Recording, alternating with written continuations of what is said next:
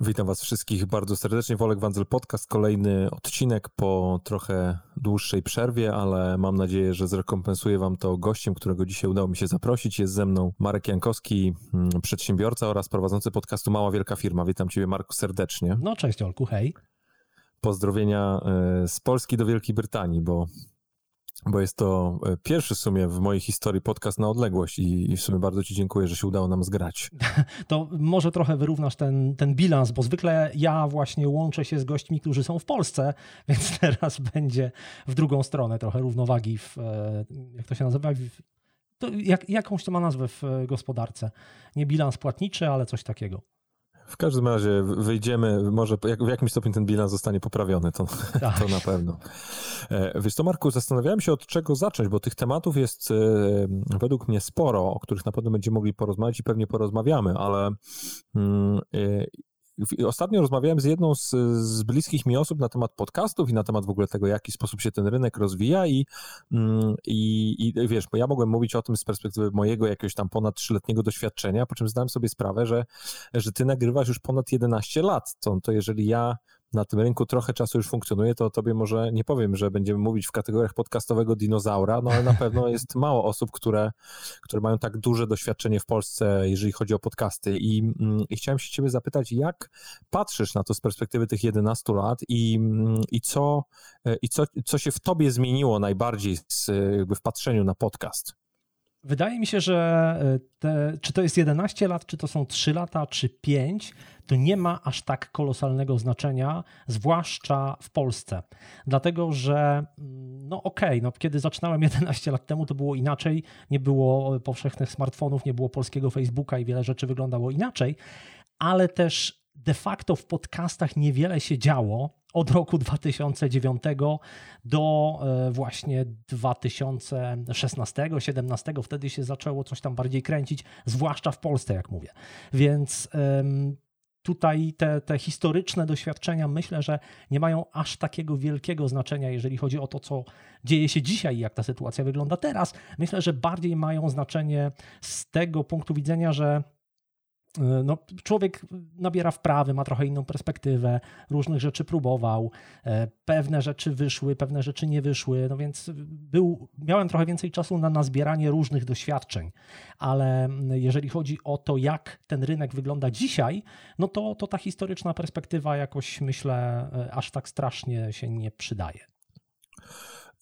To powiedz, co byś mm, poradził takiemu y, młodszemu o te 11 lat Markowi, który, który zaczynał małą wielką firmę, jeszcze wtedy, jeżeli dobrze pamiętam, to razem z, z Pawłem Tkaczykiem, prawda? Tak, tak. No to w ogóle było tak, że, że to się zaczęło od książki, bo, bo ukazała się moja książka pod tytułem Mała Wielka Firma i podcast miał być takim sposobem na promocję tej książki.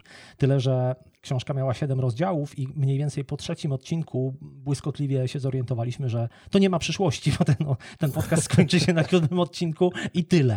No więc... Yy, myślę, że gdybym miał dzisiaj udzielać rad sobie początkującemu w obecnych warunkach, to e, one też e, mm, wyglądałyby, no byłyby na pewno dopasowane do tych, do tych właśnie dzisiejszych warunków, czyli w dzisiejszym świecie, też między innymi podcastowym, ma myślę bardzo duże znaczenie to, co miało też wtedy, ale teraz chyba ma nawet jeszcze większe, czyli to, że podcast to jest medium, które pomaga budować relacje i w którym relacje są niesłychanie ważne. I oczywiście Trochę inaczej to wygląda z perspektywy podcastera takiego jak ty czy ja, bo my nagrywamy wywiady, no więc tutaj całe, cała formuła opiera się na interakcji z drugim człowiekiem, ale nawet jeżeli ktoś chce nagrywać podcast solo, a no czym my z Pawłem nagrywaliśmy we dwóch, ale tam nie było gości, to, to był nasz dwuosobowy skład, to bardzo ważne jest to, żeby gdzieś z tym podcastem wychodzić do ludzi. I to, co e, mnie jakoś tak uderza, kiedy patrzę na tych podcasterów, którzy dzisiaj startują, to to, że bardzo często oni tak się porównują, wiesz, kto tam ma większe słupki i ile, czy jaka liczba pobrań jest dobra po miesiącu podcastowania na przykład. No nie da się odpowiedzieć na to pytanie. E, I jednym z takich, myślę, błogosławieństw tego, co my mieliśmy z Pawłem na początku, było to, że wtedy nie istniały statystyki podcastowe. A skoro one nie istniały, no to my, żeby wiedzieć, że ktokolwiek tam jest po drugiej stronie, musieliśmy w jakiś sposób zachęcić tych ludzi do interakcji. I to jest, myślę, taka rada, której udzieliłbym sobie dzisiaj również, gdybym startował, czyli nie przejmuj się statystykami, przyjmij, że statystyki nie istnieją, załóż, że chcesz, żeby ci ludzie, którzy gdzieś tam cię przypadkiem usłyszą, wrócili do ciebie, żeby się do ciebie odezwali, żeby weszli z tobą w jakąś rozmowę, w jakąś interakcję. Bo to jest, myślę, dużo cenniejsze z perspektywy osoby początkującej niż, y, wiesz, tam mm, podniecanie się tym, czy ja mam 35 czy 45 odsłuchań. Mm, a przychodzi ci na myśl jakaś taka jedna historia, która wyniknęła właśnie z takiej interakcji z, z jednym z twoich słuchaczy, bo jestem w stanie sobie wyobrazić, że, mm, że na przestrzeni te, te, tego czasu na pewno pojawiły się takie, które wiesz, zapadły ci gdzieś głęboko w pamięć, przynajmniej na to liczę. Tak, to e, były takie sytuacje i taka pierwsza, która mi przychodzi do głowy, to jest słuchacz, który odezwał się do nas już po kilku, po wrzuceniu kilku odcinków do sieci. I dla mnie to było tym bardziej zaskakujące, że ja w ogóle byłem strasznie oporny i ja nie chciałem nagrywać podcastu. Znaczy Paweł y, Tkaczyk naprawdę wołami mnie zaciągnął do tego mikrofonu praktycznie, bo ja nie byłem w stanie sobie wyobrazić, jak ktoś może siedzieć przy komputerze i słuchać, jak dwóch gości gada. A przypominam, to nie były czasy smartfonów i to nie były czasy aplikacji, które się zabierało wszędzie. Tylko rzeczywiście słuchanie podcastu wymagało siedzenia przy komputerze. I to było dla mnie na tyle niepojęte, że ktoś może w ten sposób y, podchodzić do rzeczy, siedzieć i słuchać, że kiedy odezwał się do nas pierwszy słuchacz i to odezwał się nie, nie, że wysłał maila, ale on nagrał kawałek wypowiedzi, gdzie tam polemizował z czymś, o czym my powiedzieliśmy w jednym z wcześniejszych odcinków. W dodatku był to słuchacz, który był w São Paulo, co w ogóle było kosmosem.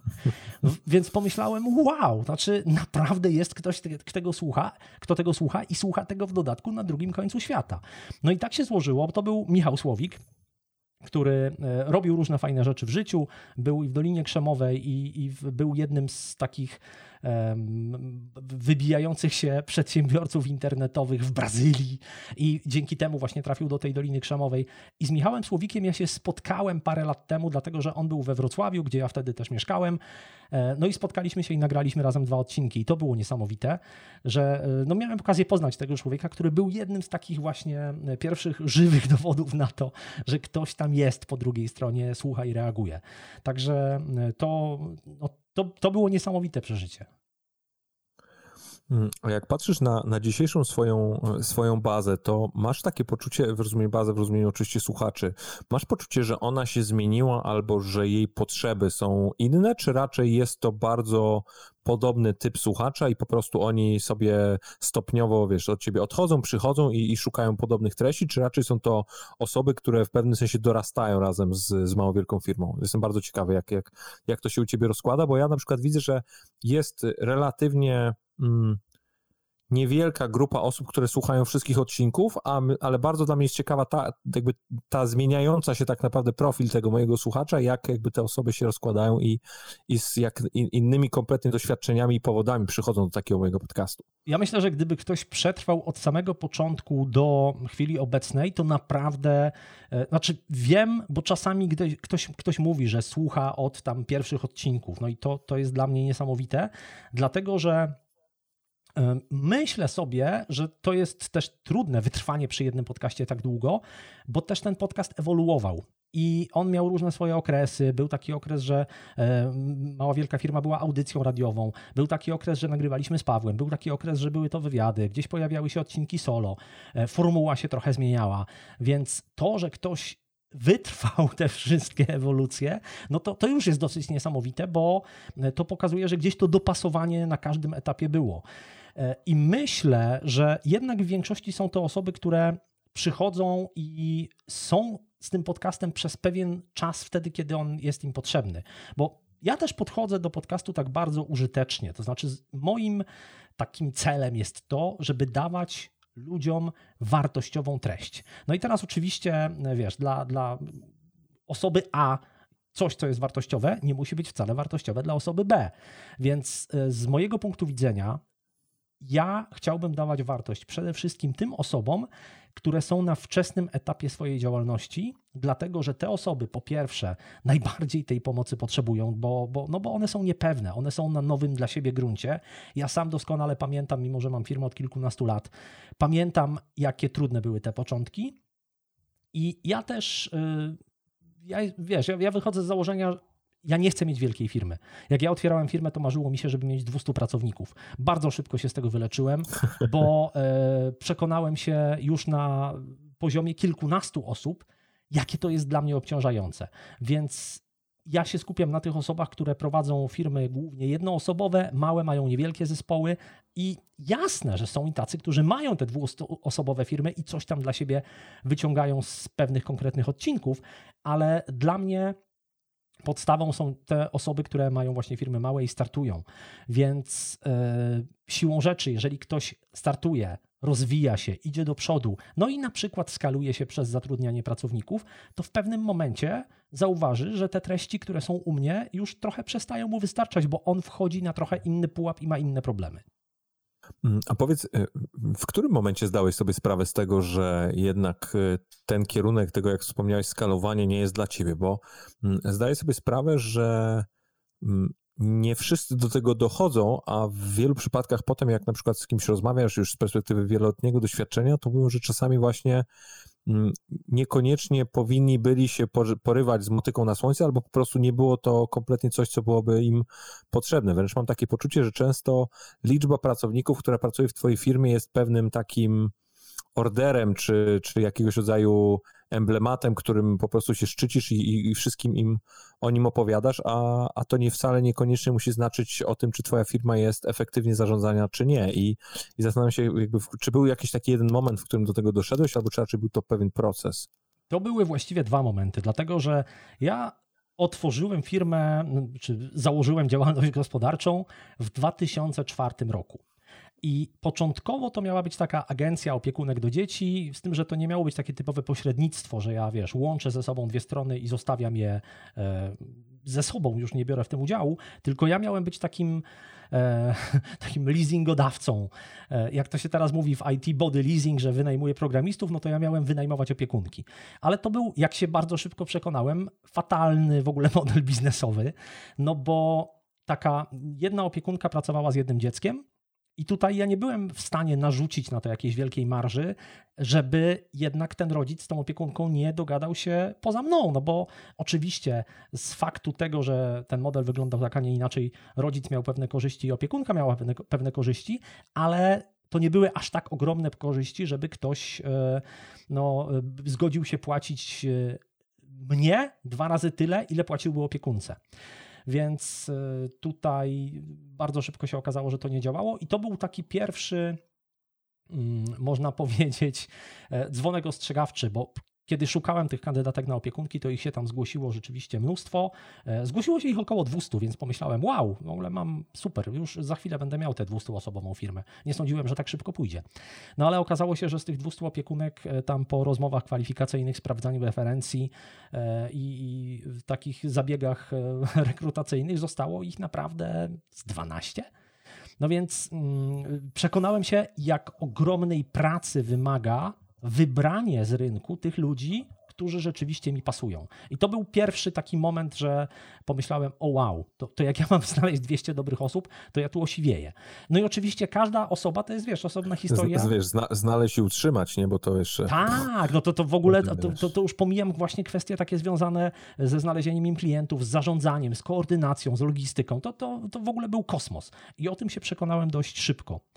Później pomyślałem, że można by to zorganizować trochę inaczej. To znaczy, tak się złożyło, że te osoby, które wybrałem e, jako, jako najlepsze, to przeważnie były e, absolwentki albo studentki ostatnich lat pedagogiki. I pomyślałem, one mają dużo większe kompetencje niż tylko opieka nad jednym dzieckiem. One mogłyby prowadzić takie zajęcia rozwojowe dla dzieci. No i razem z, z moim dobrym przyjacielem z, założyliśmy spółkę i zaczęliśmy organizować takie zajęcia. I prowadziły te zajęcia właśnie te panie pedagogzki. No i tutaj okazało się też bardzo szybko, bo tam to było kilkanaście osób w sumie. Tam e, były zajęcia, były imprezy, były takie różne rzeczy, więc, więc w sumie kilkanaście osób tam e, było, można powiedzieć, na co dzień. E, no i, i znów okazało się, że mm, zarządzanie ludźmi to jest strasznie ciężkie zadanie. To znaczy, przynajmniej dla mnie. Dla mnie to było mega obciążające, że wiesz, no, że, że, trzeba kogoś zwolnić na przykład, albo że, że ktoś tam e, nie do końca dowozi, no i, i, trzeba z nim przeprowadzić jakąś rozmowę dyscyplinującą. Ja wiem, że są ludzie, którzy są w tym świetni, no ale ja doszedłem do tego, że nie jestem. I postanowiłem wtedy stworzyć taką firmę, która będzie oparta na mnie i która e, tak naprawdę ja sam będę w stanie ją pociągnąć. No nie do końca sam, bo potrzebowałem jeszcze handlowca, ale handlowca zatrudniłem i, i ruszyliśmy do przodu i ta firma działa 12 e, rok i, jest ok. Więc i oczywiście po drodze pojawiło się jeszcze kilka osób, także to, to jest niewielki, kilkuosobowy zespół ale czuję się dużo lepiej psychicznie z tym, że to nie jest właśnie jakaś rozbudowana struktura i że moja praca nie musi polegać na rozwiązywaniu jakichś ludzkich problemów e, czy, czy e, problemów HR-owych, tylko tak naprawdę na, na wytyczaniu jakiegoś kierunku i już w tej chwili nawet nie realizacji, bo de facto e, moja firma działa bez mojego udziału na co dzień. Mm, jak, a jak patrzysz na te swoje doświadczenia, to mm, widzisz jakieś takie wzorce albo pewne lekcje, albo coś, co mm, byłbyś w stanie, wiesz, tak obudzony w nocy wskazać i powiedzieć, że to są bardzo ważne rzeczy z perspektywy prowadzenia tego typu działalności, bo zdaję sobie sprawę i to też świetnie powiedziałeś, że to, co może być aplikowalne dla właśnie osoby kilkuosobowej, wcale nie musi pasować do tych dużych organizacji, które są, wiesz, mają szeroką strukturę, pracują na globalnie, mm, nie daj Boże jeszcze w kilku językach, nie? Ale z takiej właśnie z perspektywy twojego doświadczenia prowadzenia małego przedsiębiorstwa, rozwijania go właśnie wokół swojej osoby, pewnej bardzo konkretnej wizji, bardzo konkretnego pomysłu i, i, i określonego jakiegoś tam biznesplanu, to mm, co, co, byś, co, co byś wskazał jako takie, wiesz, dwie, trzy mm, kluczowe cechy, które są najważniejsze prowadząc taki biznes? Myślę, że najważniejszą sprawą dla szczególnie małego przedsiębiorcy, jest sprzedaż. I to jest taki grzech, który ja też popełniałem, no bo ja skończyłem studia ekonomiczne, uwielbia, uwielbiałem i uwielbiam tematy, wiesz, marketing, reklama, budowanie marki, jakaś tam identyfikacja wizualna. I to jest wszystko takie sexy, takie fajne i w ogóle cudowne. Tyle tylko, że to kompletnie nie ma znaczenia, dopóki ktoś nie da ci pieniędzy za to, co robisz. I to jest y, taka, taka lekcja dosyć ważna, bo widzę wiele osób, pewnie też no najłatwiej je zauważam, bo, bo mam to skrzywienie sam. Widzę takie osoby, które się bardzo nakręcają na to, żeby tutaj mieć cudowne, dopieszczone logo i tak dalej, ale potem się okazuje, że no, no właśnie kompletnie nie sprzedają. I, I to jest, y, myślę, bardzo ważna sprawa. Druga ważna sprawa to jest też to, o czym ty powiedziałeś, czyli że niektórzy traktują liczbę pracowników jako taki wyznacznik mojego sukcesu, a to wcale nie musi tak być. Dlatego, że naprawdę w dzisiejszych czasach, kiedy mamy internet do dyspozycji, pojedyncze osoby, ewentualnie z pomocą naprawdę jednej, dwóch osób, są w stanie zrobić niesamowite rzeczy. No, takim świetnym przykładem dla mnie jest Maciek Aniserowicz, który wydaje kursy online i, i, sprzedaje je za miliony złotych, a to jest on i kilka osób, które, które mu, e, z którymi współpracuje. Więc można, no można, a, a z drugiej strony znam firmy, które mają tych osób, wiesz, tam e, kilkanaście czy kilkadziesiąt i wcale tak dobrze tam nie jest, bo jednak to są duże koszty stałe. Więc e, myślę, że to są takie dwie podstawowe rzeczy z mojego punktu widzenia, które są fundamentem właściwie e, każdej firmy i które warto mieć w głowie, kiedy się zaczyna. Ja miałem kiedyś taką sytuację, ostatnio mi się przypomniała, nie wiem, e, nie wiem dlaczego, ale kiedy jeszcze mieszkałem we Wrocławiu, pamiętam, że byłem w jakimś klubie studenckim i tam no, po, poznałem jakichś ludzi, siedliśmy i, i siedziałem z jakimś takim człowiekiem sporo starszym ode mnie.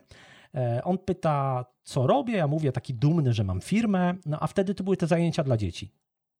I właśnie mówię mu, że mam firmę, i on zadał mi dosłownie trzy czy cztery pytania, typu ile osób pracuje, e, ile kosztują te zajęcia? I nie wiem, ilu macie klientów.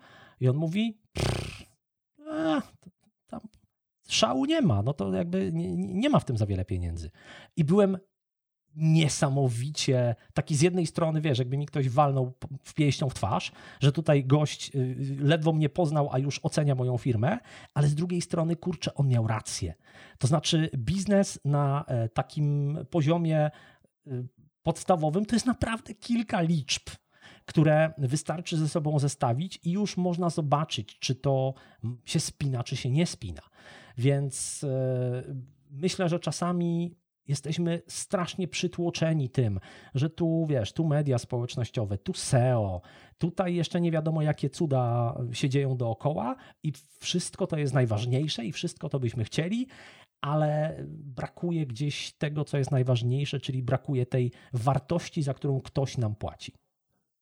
Poruszyłeś e, według mnie bardzo ważną tutaj kwestię, bo mm, mam takie wrażenie, że często przedsiębiorcy, szczególnie ci początkujący, mają pewien problem z przyznaniem w ogóle tego, w jakim miejscu jest ich firma, albo, albo tego, że ona też może mieć ograniczony potencjał, a mam takie poczucie, że mm, nie każdy biznes musi być duży i nie każdy biznes musi mieć mm, jakieś ogromne wzrosty, czy, czy też wielki plan skalowania. I Zastanawiam się, czy ty często dostajesz pytania albo w ogóle dyskutujesz z jakimiś e, przedsiębiorcami, czy z osobami, które słuchają twojego podcastu na temat tego, czym tak naprawdę, jaka jest natura tej przedsiębiorczości, bo, bo mam poczucie, że w dobie mm, tego takiego zestawiania e, przedsiębiorców z gwiazdami roka, można śmiało powiedzieć to, co się dzieje na przykład dzisiaj w, w Stanach Zjednoczonych, to bardzo prosto jest gdzieś deprecjonować tą grupę tych małych i średnich, która no, nie, nie, jeden polityk to zawsze wspominał, że jednak napędza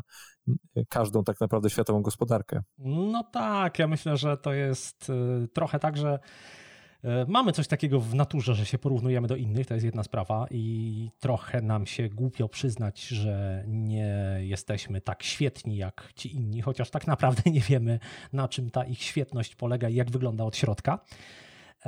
I z mojego punktu widzenia, w ogóle pytanie brzmi, po co zakładamy firmę? Bo dla mnie na przykład firma Podstawową zaletą posiadania własnej firmy jest wolność. Wolność, która polega na tym, że ja e, mogę na przykład, kiedy nie wiem, córka ma przedstawienie w szkole, to mogę wyskoczyć w dowolnym momencie, kiedy mi pasuje i je obejrzeć. No to jest zdecydowana zaleta e, w porównaniu z pracą na etacie.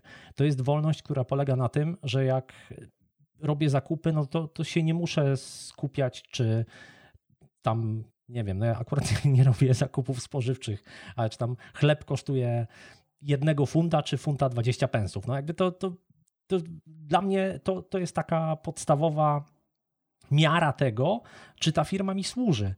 Ale kiedy dochodzi do tego, że ja zaczynam się stresować tym, że mam firmę, że ja zaczynam mieć jakieś właśnie e, wyrzuty związane z tym, że ojej, bo inni to są tacy świetni, a ja to jestem, nie wiem, mniej świetny, bo moja firma jest mniejsza, a co mnie to obchodzi? Znaczy, wyleczyłem się dawno z takiego, wiesz, z takiego podejścia, że ja to muszę tam być milionerem i mieszkać w ogóle w sześciogwiazdkowych hotelach, bo inaczej to, to się nie, nie opłaca.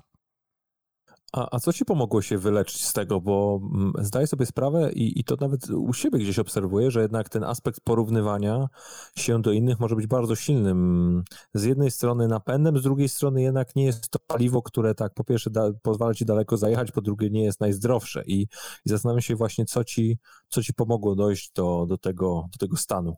Ja myślę, że to przychodzi z, y, pewnie trochę z wiekiem, ale też z doświadczeniem. To znaczy to, że rzeczywiście ja prowadzę firmę kilkanaście lat i robiłem różne rzeczy w życiu i pracowałem w różnych firmach wcześniej i e, ta moja firma też przechodziła pewne etapy, to pozwoliło mi na przykład upewnić się, i ja to wiem na 1000%, że ja nie chcę mieć dużej firmy. Ja nawet nie chcę mieć średniej firmy w, w kontekście tam liczby pracowników, bo to jest dla mnie za duże obciążenie i już. I to jest mój wybór.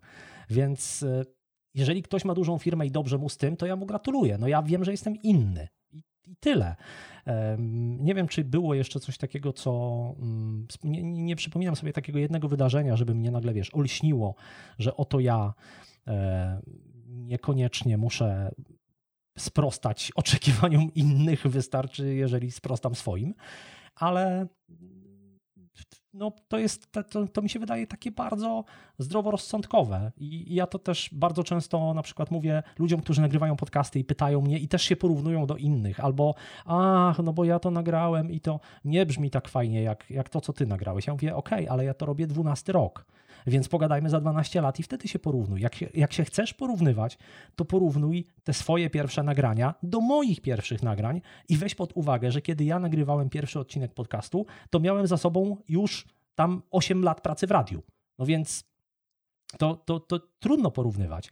I tak jest ze wszystkim w życiu. To znaczy, nie wiemy do końca właśnie, co stoi za tym obecnym stanem kogoś innego i widzimy tylko tyle, ile jesteśmy w stanie zobaczyć, a nie widzimy całego tego zaplecza. Być może ten ktoś, kto ma taką wielką firmę i jeździ drogim samochodem albo nie wiem, tam e, pływa jachtem, być może to wszystko jest na kredyt. Być może jego życie rodzinne nie istnieje. Być może on z jakiegośkolwiek innego powodu ma, nie wiem, depresję, bo, bo też takie rzeczy się zdarzają. Więc no, nie, ma, nie ma sensu porównywać się do innych.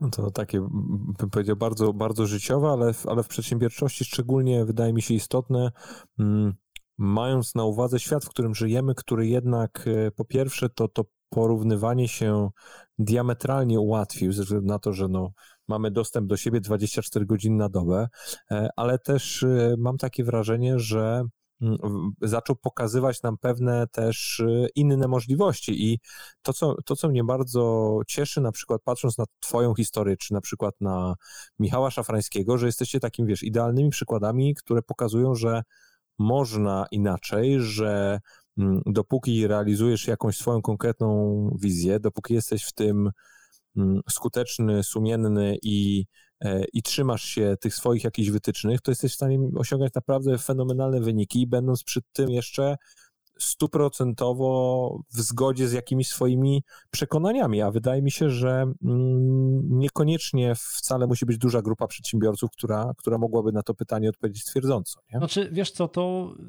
to na pewno przychodzi też z pewnym takim, ta, taka dojrzałość i pewność siebie przychodzi z dojrzałością firmy, którą się prowadzi. Dlatego, że ja pamiętam, że kiedy był taki czas, że każdy, wiesz, termin płacenia składek ZUS-u albo każdy termin płacenia VAT-u przyprawiał mnie prawie o zawał, no bo wchodziłem na konto i tam nie było tej kasy, e, to to, to ja nie, wiesz, słuchałbym kogoś takiego jak ja dzisiaj i myślałbym sobie, co on tam wie. Ale kiedy człowiek zacznie to robić e, w taki sposób, że, że ta maszyna po prostu działa, że ona działa regularnie i te przychody, które przynosi, są e, no, w miarę stabilne, to nigdy w biznesie, wiesz, to, to nie jest wypłata, że dostaniesz określoną kwotę każdego miesiąca, ale że widzisz, jak to się rozwija, widzisz, że to idzie w dobrą stronę, budujesz pewną, pewien, pewien stosik pieniędzy, który w razie um, kłopotów będzie ci służył jako poduszka finansowa, no to, to znacznie łatwiej jest też e, być takim, wiesz, zdystansowanym i nie rzucać się na każdą okazję, która się pojawia.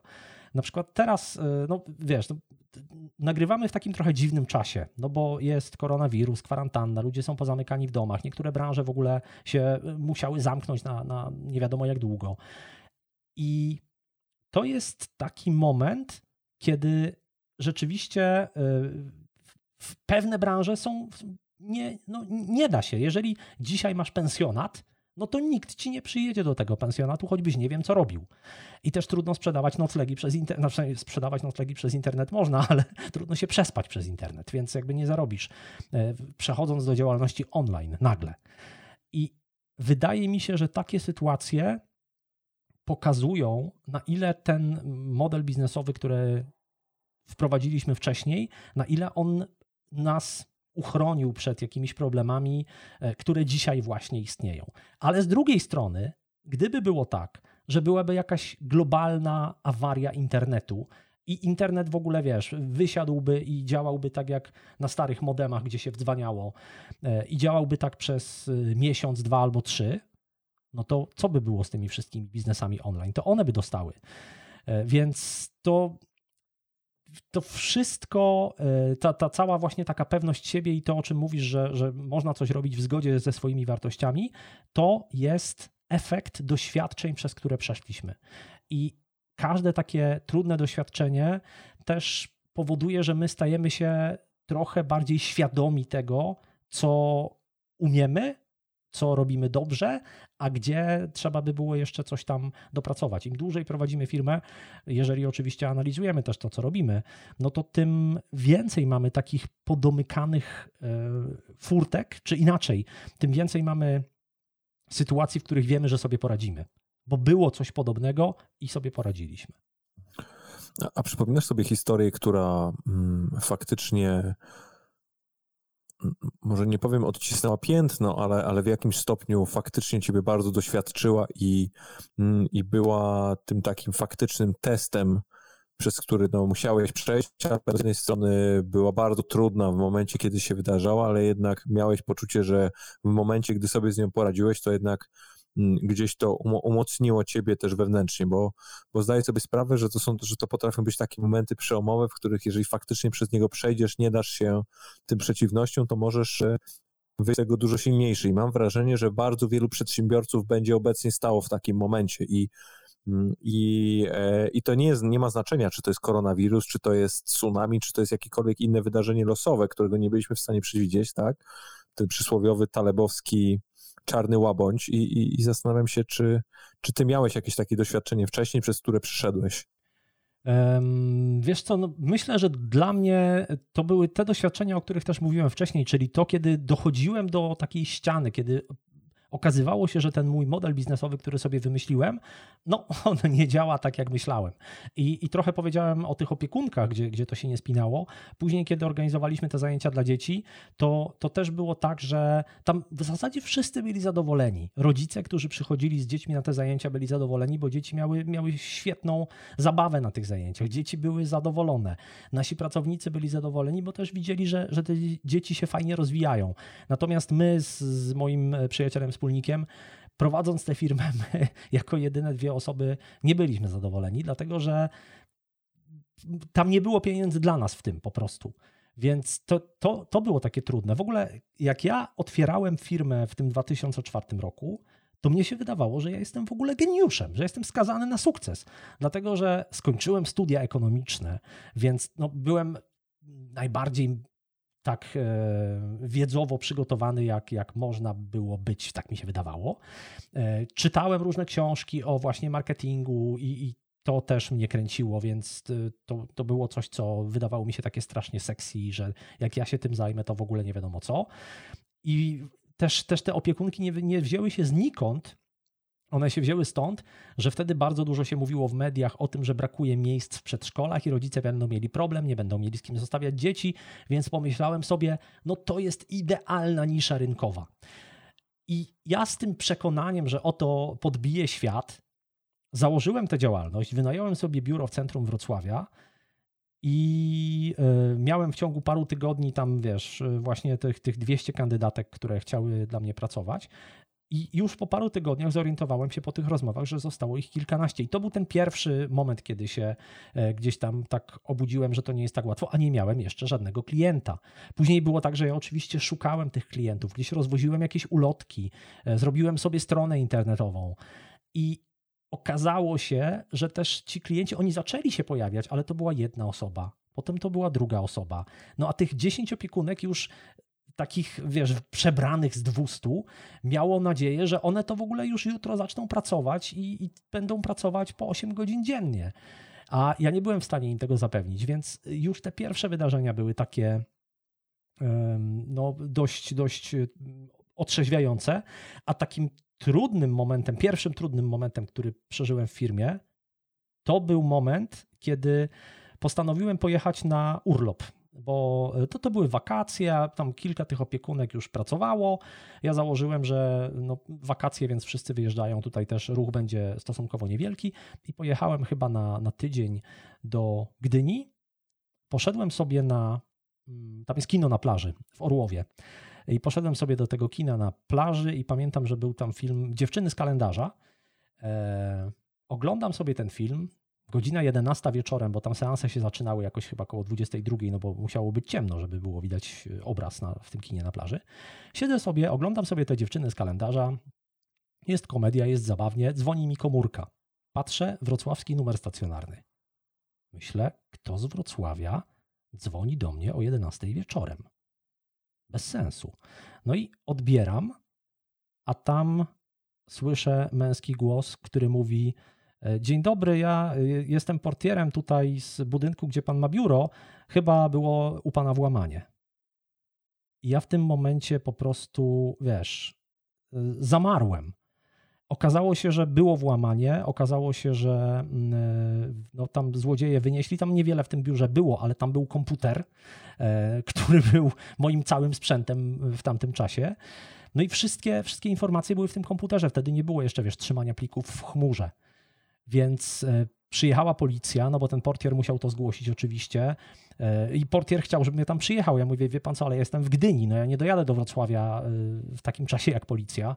Więc gdzieś tam po nocy dzwoniłem, prosiłem mojego znajomego, żeby podjechał i, i tam tym policjantom przekazał jakieś informacje podstawowe, kontaktowe ze mną. No i, i już. I, I komputer zniknął i tak naprawdę po paru miesiącach prowadzenia tej firmy okazało się, że mam mniej niż na starcie, no bo na starcie miałem chociaż komputer, a za chwilę już go nie miałem. Więc y, były takie, takie sytuacje i to jest strasznie, wiesz, no, z dzisiejszej perspektywy to zupełnie to nie wygląda tak dramatycznie. No bo jeżeli masz pliki w chmurze, nawet ktoś ci ukradł komputer, no dobra, blokujesz zdalnie ten komputer. E, oczywiście go nie odzyskasz, no ale wiesz, no, no idę i kupuję nowy, ale wtedy to nie było takie hop -siup. I, I, jak sobie poradziłeś z tą bezsilnością? Bo jestem w stanie sobie wyobrazić, że, że wiesz, że jest to pewna metafora, mm, czy historia, która ci się przydarzyła i, i pewnie można by w, w, w, podobnym modelu napisać setki innych, ale, ale mam poczucie, że, mm, że pewne takie emocje i, i, i uczucia towarzyszące są, są raczej podobne uniwersalne. I zastanawiam się, wiesz, co, co wtedy ci w ogóle grało w głowie, bo, bo jestem w stanie sobie wyobrazić, że wiele osób teraz, wiesz, sobie właśnie siedząc i będzie nas słuchać, sobie przypominać swoje historie tego typu, jakie właśnie coś się wydarzyło. Wiesz co, ja miałem, myślę, dość taką silną potrzebę stworzenia własnej firmy i ja nie, nie roz... no dzisiaj też na, na 100% tego nie pamiętam, nie dam sobie ręki uciąć, ale wydaje mi się, że ja wtedy w ogóle nie rozważałem, że ja wrócę na etat. Po prostu uznałem, no trudno, ukradli mi komputer, muszę kupić nowy. E, bo ja w ogóle myślałem o własnej firmie już y, chyba w liceum i już, już gdzieś mi to chodziło po głowie. Oczywiście no, wtedy było na to za wcześnie, gdzieś no, jeszcze, jeszcze po drodze trafiła mi się praca w radiu, która mnie mega kręciła, więc wtedy gdzieś te myśli poszły na bok, ale po tych, tych paru latach pracy w radiu też zaczęło to do mnie wracać, że ja chciałbym jednak robić coś swojego. I kiedy już zacząłem to robić, to nie było dla mnie za bardzo drogi powrotu. Mimo, że to na początku nie szło, mimo, że było to bardzo trudne i takie no, niewdzięczne i frustrujące, że ja wiesz, przychodziłem do tego biura i, i tam e, nikt do mnie nie zaglądał, to jednak czułem, że ja tutaj coś wymyślę takiego, żeby to się rozkręciło. No i tak z czasem do tego doszło. Więc myślę, że taka. Nie, nie wiem właśnie nawet jak, jak to nazwać, bo to, to, to nawet nie jest wytrwałość, to jest takie jakieś e, nie wiem, optymizm, takie przekonanie, że ja sobie poradzę. No kurczę, znaczy naprawdę widziałem różnych ludzi i myślę, że każdy z nas ma takie doświadczenia, że ludzie, którzy robią dobre firmy, to wcale nie są jacyś nadludzie to wcale nie są jacyś e, hipermózgowcy i laureaci Nagrody Nobla. To są normalni ludzie, tacy jak my. Czasami, nie wiem, e, ich IQ jest może wyższe, czasami niższe, ale to naprawdę nie wymaga e, doktoratu i, i spędzenia iluś tam lat na, na uczeniu się. To polega bardziej na tym, że bierzesz się do roboty, próbujesz, nie wychodzi ci, próbujesz kolejny raz, nie wychodzi ci, próbujesz znowu i w końcu ci pójdzie. I tutaj jedynym takim ograniczeniem jest to, że musisz w tym czasie jeść, no i gdzieś mieszkać. Więc e, trzeba mieć zabezpieczoną tę stronę finansową, czy to dzięki oszczędnościom, które się wcześniej odłożyło, czy dzięki temu, że jesteś w związku, gdzie jeden z partnerów zarabia i, i e, ten drugi może próbować, wiedząc, że nie umrze z głodu, albo jak ludzie startują, nie wiem, na studiach mieszkają u rodziców. No, są, są różne sposoby. Są ludzie przecież, którzy pracują w jakiejś pracy, której nie poświęcają zbyt wiele serca tylko po to, żeby mieć na utrzymanie i żeby gdzieś tam coś swojego rozwinąć na boku. I każda z tych dróg jest dobra pod y, warunkiem, że, że gdzieś wiemy, do czego dążymy i idziemy do przodu. To, to, to trochę właśnie o tym pójściu do przodu. Jestem bardzo ciekawy, jak ty dzisiaj patrzysz na swoją firmę i, i w jakim kierunku chcesz ją rozwijać, bo z jednej strony mówisz o tych w pewnym sensie samoograniczeniu siebie i, i, o tym, że nie chcesz budować większego biznesu. Z drugiej strony, jak patrzę na to, co robisz i, i na Twoją aktywność, czy, czy słucham Twoich podcastów, to widzę też, że jesteś, wiesz, człowiekiem, któremu cały czas się kotłują nowe pomysły czy nowe idee i zastanawiam się, jak to, e, w jaki sposób te idee będą się materializować i co to oznacza dla, wiesz, dla nas jako konsumentów, dla nas jako słuchaczy, dla, dla ciebie i dla twojej firmy. Wiesz co, no jest taka teoria, że y, człowiek tam w ogóle co, co 7 lat y, tak naprawdę odradza się na nowo, bo, bo wszystkie gdzieś tam komórki w ciele się regenerują i, i de facto w ciągu 7 lat wszystko ci się wymienia, można powiedzieć. E, I e, coś w tym jest, że... To, w, to w, którym, w którym jesteś momencie cyklu teraz? Wiesz co, no właśnie ja, ja tak. E, kiedy pracowałem w radiu, no to pracowałem tam 8 lat, no czyli można powiedzieć taki cykl się domknął. Później założyłem firmę w 2004 roku. No to jeżeli 4.11, to to można powiedzieć, no powiedzmy, że mam ten cykl troszkę wydłużony, 4, tam 11, 12 to gdzieś można powiedzieć były te, te pierwsze próby i, i, założenie firmy, która do dzisiaj działa i jest moim głównym źródłem utrzymania, czyli to jest czasopismo branża dziecięca. E, I gdzieś od y, znowu tych, tych już w tej chwili prawie 12 lat nagrywam podcast. I podcast dla mnie cały czas od początku był czymś takim, co ja robię po pracy. Czymś takim, co, co daje mi frajdę, to było hobby, tam nagrywaliśmy z Pawłem, fajnie nam się gadało i w ogóle, i w ogóle. E, I ciągle dla mnie podcast to jest coś takiego, co ja robię z przyjemnością, ale też z racji tego, że e, gdzieś, gdzieś ten to, to, to, czasopismo, właśnie branża dziecięca działa tak naprawdę bez mojego udziału, bo tam jest redaktor naczelny, jest zespół i oni wiedzą, co mają robić i to robią to ja czuję się taki trochę niezagospodarowany. I z własnego wyboru, no bo, bo przecież mogłem tam cały czas to czasopismo prowadzić. Ale gdzieś od już dłuższego czasu coraz bardziej wciągają mnie te tematy związane właśnie z podcastami, z y, robieniem różnych rzeczy online i tak dalej. No i parę lat temu stworzyłem kurs dla podcasterów, więc to już była taka pierwsza próba zrobienia czegoś powiązanego z podcastem, a zupełnie z kolei oddzielonego od branży dziecięcej.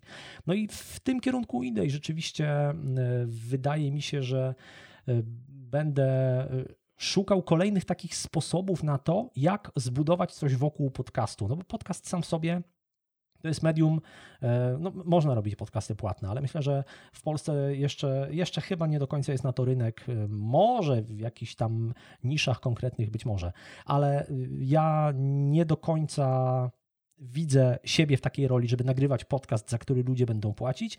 Bardziej mam taką koncepcję, że, że podcast powinien być takim nośnikiem, który właśnie przyciąga do mnie e, odpowiednią społeczność, a ja mam coś do zaoferowania tej społeczności na sprzedaż. No i, i właśnie e, kurs Podcast Pro to jest pierwsza taka rzecz, a kolejne pewnie będą się pojawiać, więc e, tak, tak się przymierzam do tego od dłuższego czasu i, i wiesz, zastanawiam też niezbyt sprzyjającą okolicznością jest to, że nie muszę, wiesz, zacząć zarabiać, bo to człowieka trochę też rozleniwia i sprawia, że tak rozważa, zastanawia się, przygląda, analizuje. E, no ale czuję, że już w tym 2020 roku e, dojrzałem do tego, żeby jednak coś jeszcze kolejnego zrobić.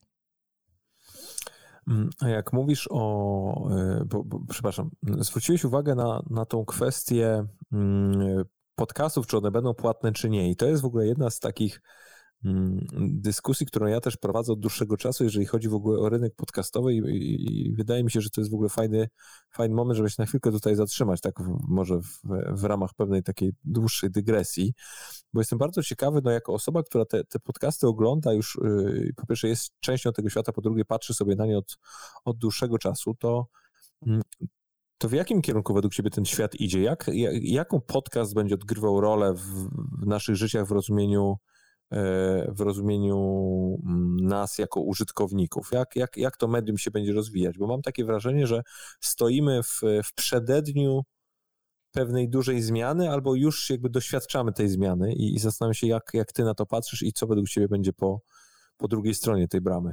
Ja myślę, że z, podobnie jak było z blogami, w pewnym momencie, znaczy najpierw blogi to były tam, wiesz, tam internetowe dzienniczki dla nastolatek i, i te, tak, tak to było traktowane. W pewnym momencie blogi się sprofesjonalizowały, nie tylko w tym znaczeniu, że blogerzy zaczęli robić e, pewne rzeczy tak bardziej profesjonalnie i z przygotowaniem i z myślą o na przykład sprzedaży konkretnych produktów, ale też firmy zaczęły tworzyć własne blogi. No i myślę, że z podcastami idziemy dokładnie tym samym tropem. To znaczy, podcasty rozwinęły się i rozwijały się bardzo długo jako takie medium, można powiedzieć, indie, że tam wiesz, ktoś sobie coś nagrywa i ktoś tam inny tego słucha, ale coraz bardziej to medium się profesjonalizuje i komercjalizuje. I ma to swoje dobre i złe strony bo y, jeżeli ono się komercjalizuje, to oznacza, że z jednej strony poziom się podnosi, że pojawiają się tam pieniądze, które też przyciągają twórców, którzy tworzą bardziej wartościowe rzeczy i to gdzieś y, słuchacze finalnie powinni skorzystać. Z drugiej strony jest też takie, taka obawa, że sporo firm się tym no nie wiem, czy zachłyśnie to jest dobre słowo, ale tak wiesz, potraktuje to, a okej, okay, to jest jeszcze jeden kanał dotarcia, z którego my do tej pory nie korzystaliśmy, to wchodzimy w to. I będą w to wchodzić trochę bez, bez wyczucia tego medium. Tak jak e, jak, jak e, zaczęła być możliwość udostępniania wszystkiego tam w poszczególnych mediach społecznościowych, no to brało się ten sam link i się wklejało w każdym innym medium to samo. I, I z czasem się nauczyliśmy, że to tak nie działa. To znaczy, no, inna inna komunikacja odbywa się na Facebooku, inna na Twitterze, inna na LinkedInie, a jeszcze inna, nie wiem, na YouTubie.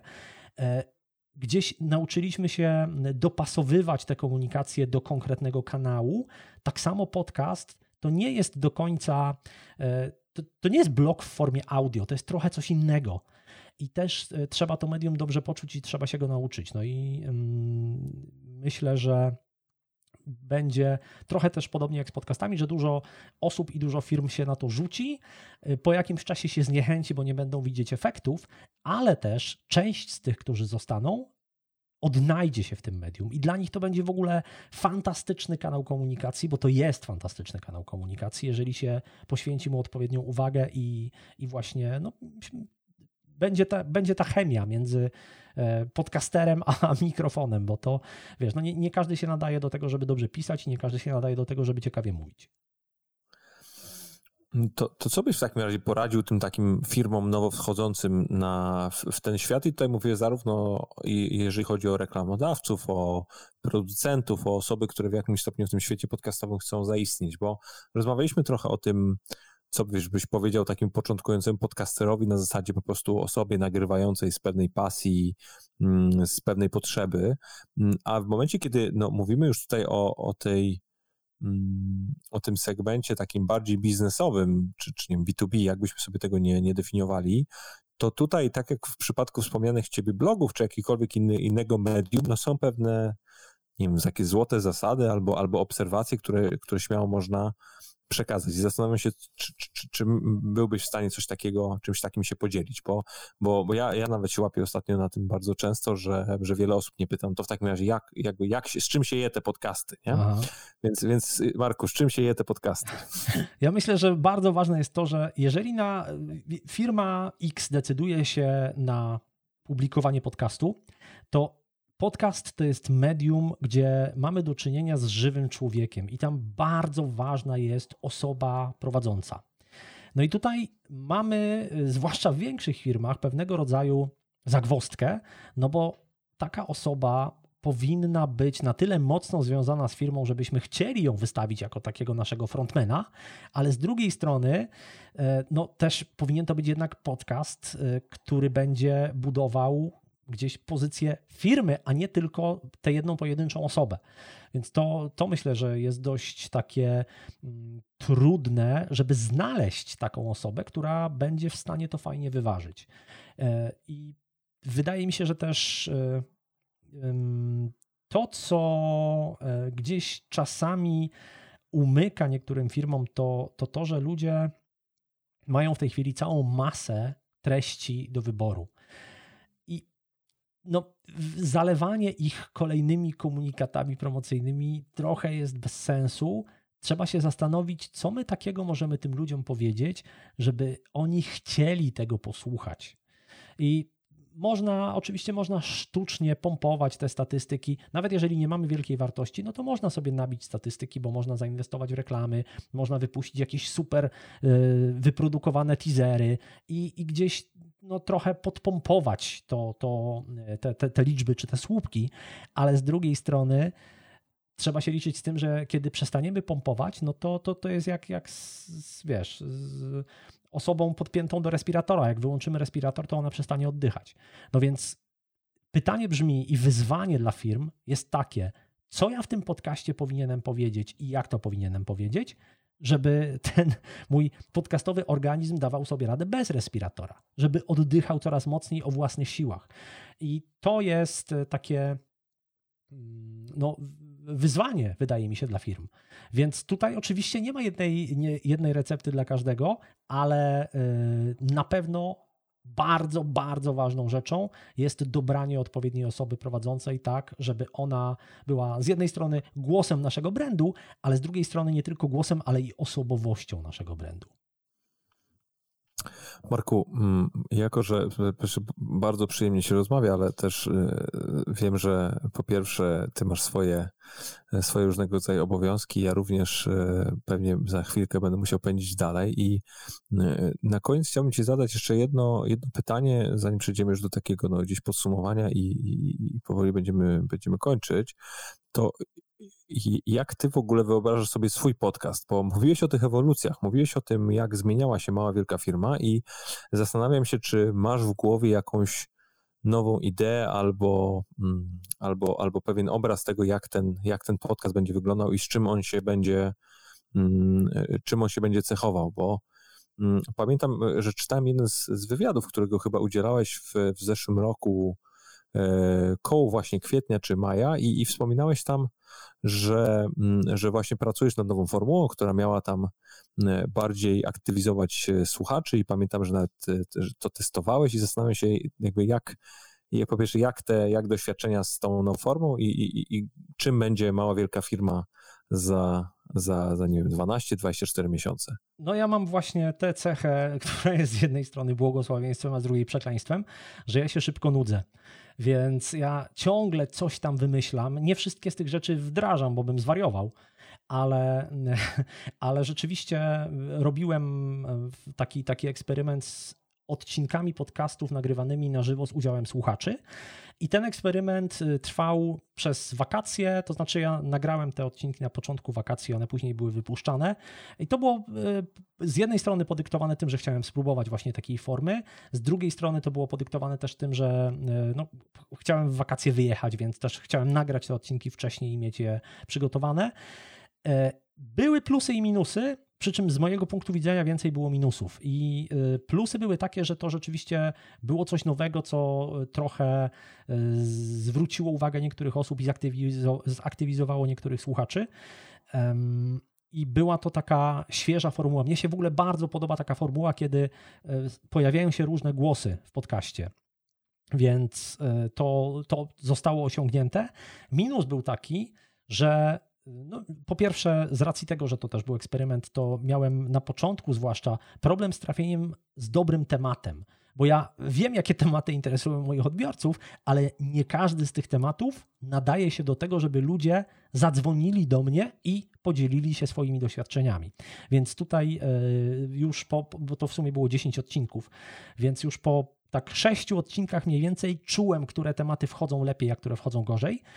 E, drugi minus był taki, że nie zawsze te osoby, które akurat mają czas zadzwonić albo w danym momencie słuchają na żywo, no bo trzeba słuchać na żywo, żeby zadzwonić. Nie zawsze te osoby akurat mają najciekawsze doświadczenia. I dla mnie takim impulsem do tego, żeby spróbować tej formy było to, że kiedy spotykałem słuchaczy podcastów w różnych okolicznościach, to bardzo często byłem pod wrażeniem, wow, jakie, jakie fajne rzeczy ci ludzie robią, e, jakie oni mają super właśnie doświadczenia w swoich biznesach. I miałem nadzieję, że to się uda wyciągnąć w tych odcinkach na żywo. No i to nie do końca się udało, bo e, jednak nie, no, kiedy wiesz, otwierasz, że tak powiem, e, kanał i, i zapraszasz każdego, kto ma ochotę, żeby zadzwonić, żeby zadzwonił, no to nie zawsze jesteś w stanie wyłowić rzeczywiście te najciekawsze historie i najlepsze wypowiedzi, więc to, to był mankament i dlatego tej formy nie kontynuuję. Ale nawet y, teraz niedawno spróbowałem takiej formy, że poprosiłem kilka osób o nagranie e, krótkich wypowiedzi i wplotłem te nagrania w odcinek, więc to już jest trochę coś innego, bo wtedy mam nad tym większą kontrolę. Po pierwsze, dlatego, że uderzam do konkretnych osób z konkretnym tematem, no i słyszę to wszystko, zanim się e, pojawi na antenie, że tak powiem, po radiowemu, więc e, to coś jakby korzyści z tego eksperymentu wakacyjnego są takie, że teraz wiem po prostu, jak to zrobić lepiej.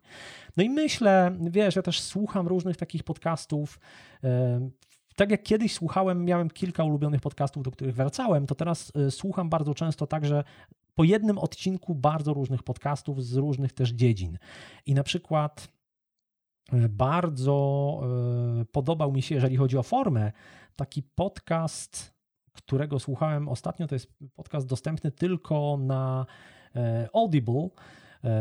Jego autorem jest niejaki David Badil, który jest w ogóle komikiem, ale e, nie jest to podcast komediowy, tylko jest to podcast o śnie. On ma tytuł Sleeping with David Badil.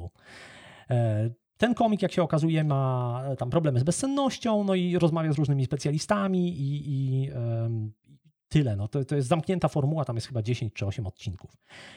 Bardzo mi się spodobała forma tego podcastu, bo to są takie rozmowy przeplatane, jakby dziejące się w różnych planach. On zaczyna odcinek e, w taki sposób, że nagrywa leżąc w swoim łóżku, później jest w gabinecie u lekarza, później nagrywa gdzieś tam w studiu, później znowu wraca do tego gabinetu u lekarza i to e, bardzo dobrze się tego słuchało. Przy czym też zdaję sobie sprawę z tego, że zrobić dobrze taką formę, no to jest bardzo duże wyzwanie, bo to wymaga rzeczywiście takiej zabawy z dźwiękiem i, i, nagrania tego w taki sposób, żeby odbiorca się nie pogubił w tym, że tu jest kilka wątków. Więc e, kręcą mnie takie różne eksperymenty, ale to nie zawsze wiesz. E, czasami wydaje mi się, że coś będzie super, a się okazuje, że nie. E, na przykład miałem taki też etap, że eksperymentowałem z różnymi efektami dźwiękowymi, wplatanymi gdzieś tam w podcaście. I też się okazywało, że niektórzy mieli z tego powodu mm, jakieś, no może pretensje to za duże słowo, ale, ale zgłaszali swoje uwagi. No bo na przykład ktoś mi opisał w ogóle całą historię, że jechał rowerem, a tam był taki dźwięk wpleciony przejeżdżającego samochodu radiowego, i, może nie radiowego, tylko rajdowego i omal nie spadł z tego roweru po prostu, jak wystraszył się, że coś mu tam przejeżdża, nie? Więc, więc no trzeba uważać i e, eksperymenty nie zawsze się udają, no ale to mają, eksperymenty to mają do siebie. Więc na pewno będę coś tam mieszał jeszcze z formą i cały czas gdzieś szukam takich inspiracji. Trochę zwykle to trwa zanim coś wdrożę, no bo też z każdym takim eksperymentem się uczę, co się może lepiej sprawdzić, co gorzej, ale z całą pewnością uważam, że, że warto. I w ogóle każdego, kto nagrywa podcast, zachęcam do tego, żeby eksperymentował i próbował różnych rozwiązań, bo można w ten sposób, naprawdę samą formą można dużo wygrać. No to w takim razie życzę Ci, żebyś znalazł e, swoją kolejną, e, kolejny jakiegoś, wiesz, królika doświadczalnego i, e, i na koniec bym bardzo chciał, abyś oczywiście, jeżeli, jeżeli coś takiego Ci przychodzi do głowy albo, albo zdecydujesz tym ze mną podzielić, żebyś powiedział coś o, do mnie oraz do słuchaczy, nad czym moglibyśmy się zastanowić, albo co byś chciał, żebyśmy przemyśleli albo zapamiętali, jeżeli chodzi o, o niekoniecznie o tą naszą rozmowę, ale tak, wiesz, jako taki, mm, jako takie coś, co z nami zostawisz. To jest właśnie dla mnie strasznie trudne zawsze. Taki, taki, e, bo ja jestem, ja jestem mistrzem ciętych ripost e, i w ogóle złotych myśli, tylko że one przychodzą mi do głowy następnego dnia zwykle, więc jakbyś mnie zapytał jutro, to byłoby mi łatwiej. E, Możemy się umówić, że cię zapytam. Tylko to wydaje mi się, że z definicji wtedy nie jest cięta. No to, otóż właśnie to. Dlatego tutaj te, te, mam, mam problem z takimi złotymi myślami ad hoc. Mój refleks jest taki trochę przesunięty w czasie, ale no niech się zastanowię, jaką, jaką złotą myślą mógłbym się podzielić E, wiesz co, myślę, że to, to ma, ma trochę związek y, ze wszystkim, o czym mówiliśmy, i z podcastami, i z biznesem. Bardzo ważne jest e, to, żeby dobrze żyć z innymi ludźmi i dawać wartość innym ludziom. I to jest takie strasznie, wiem, ogólne, ale e, Pamiętam, że chyba, chyba Miłosz Brzeziński mówił o takiej metaforze, że mamy tam słój i do tego słoja tam wrzucamy jakieś tam czekoladki czy monety i, i sobie składamy, składamy, składamy u innych ludzi, a potem jak czegoś od nich chcemy, no to, to musimy mieć u nich uskładane, żeby sobie wypłacić. I to, to tak działa w każdej dziedzinie życia w zasadzie. To znaczy, żeby ludzie chcieli słuchać Twojego podcastu, no to to, to, musisz dawać coś takiego, po co oni będą chcieli wracać. Żeby ludzie chcieli u ciebie kupować, to musisz zaoferować jakąś wartość, za którą będą skłonni zapłacić. Jeżeli chcesz, nie wiem, w życiu mieć, być otoczony życzliwymi tobie ludźmi, no to też ty musisz coś dobrego dla nich zrobić. I to w, każdym, w każdej dziedzinie życia tak działa. E, I to jest niesamowite, bo ja zawsze miałem i uważałem siebie za taką osobę bardzo indywidualistycznie nastawioną. I jak e, wyszło mi gdzieś tam w teście Galupa, że ja mam w ogóle na trzecim miejscu chyba talent pod tytułem Relator i że w ogóle relacje są dla mnie ważne, to pomyślałem, ha, Galup się zepsuł. Robiłem sobie ten test 10 lat temu i mi wyszło lepiej ale e, rozmawiałem o tym później z Dominikiem Juszczykiem, który, jest specjalistą od testu Galupa i gdzieś w trakcie tej rozmowy on mi uświadomił, że rzeczywiście gdzieś e, zaszła jakaś taka najwidoczniej zmiana w moim życiu i ja też to widzę. I widzę na przykład jak, jak niesamowitą energię i taką, taką radość i takie spełnienie daje mi, e, wiesz, jak, jak zrobiłem na przykład, na przykład dziesiąte urodziny mojego podcastu albo konferencję dla słuchaczy, to te, te spotkania z tymi ludźmi, one z jednej strony mnie wykańczają w ogóle psychicznie, bo, bo ja jestem raczej introwertykiem i ja e, bardzo się spalam w takich sytuacjach jeden na jeden, ale z drugiej strony to jest też tak niesamowita moc w takich spotkaniach, że nie da się tego osiągnąć moim zdaniem w żaden inny sposób. Więc jeżeli mogę tę e, przydługą złotą myśl zakończyć jakimś jednym zdaniem, to takim, że warto budować dobre relacje z innymi ludźmi. No i słuchaj, jak na osobę, której twierdziła, że jej pójdzie źle, to poszło ci całkiem nieźle. No ale widzisz, jak, ja mam po prostu, ja potrzebuję długiego pasa startowego, żeby, żeby się odbić, bo inaczej to skończę w krzakach.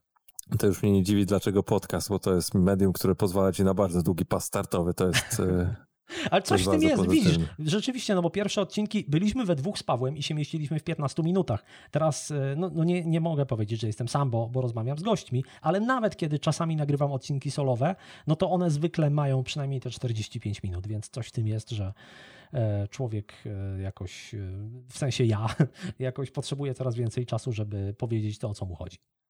Marku, to życzę Ci, żeby tego pasa Ci nigdy nie zabrakło i dużo zdrowia w tych dziwnych czasach. Dzięki wielkie i, i, wszystkiego najlepszego. I widzisz, i jakby chciałem Ci pogratulować też Twojego podcastu, dlatego że to jest też e, jeden z tych podcastów, w których ja znajduję tę wartość, w których słyszę, że Ty masz coś ciekawego do zaoferowania swoim słuchaczom i to jest e, e, no, sama przyjemność dla mnie jako słuchacza słuchanie tych rozmów, więc, więc bardzo Ci dziękuję tym bardziej za zaproszenie. Dzięki wielkiej, do, do zobaczenia, do usłyszenia. Dzięki.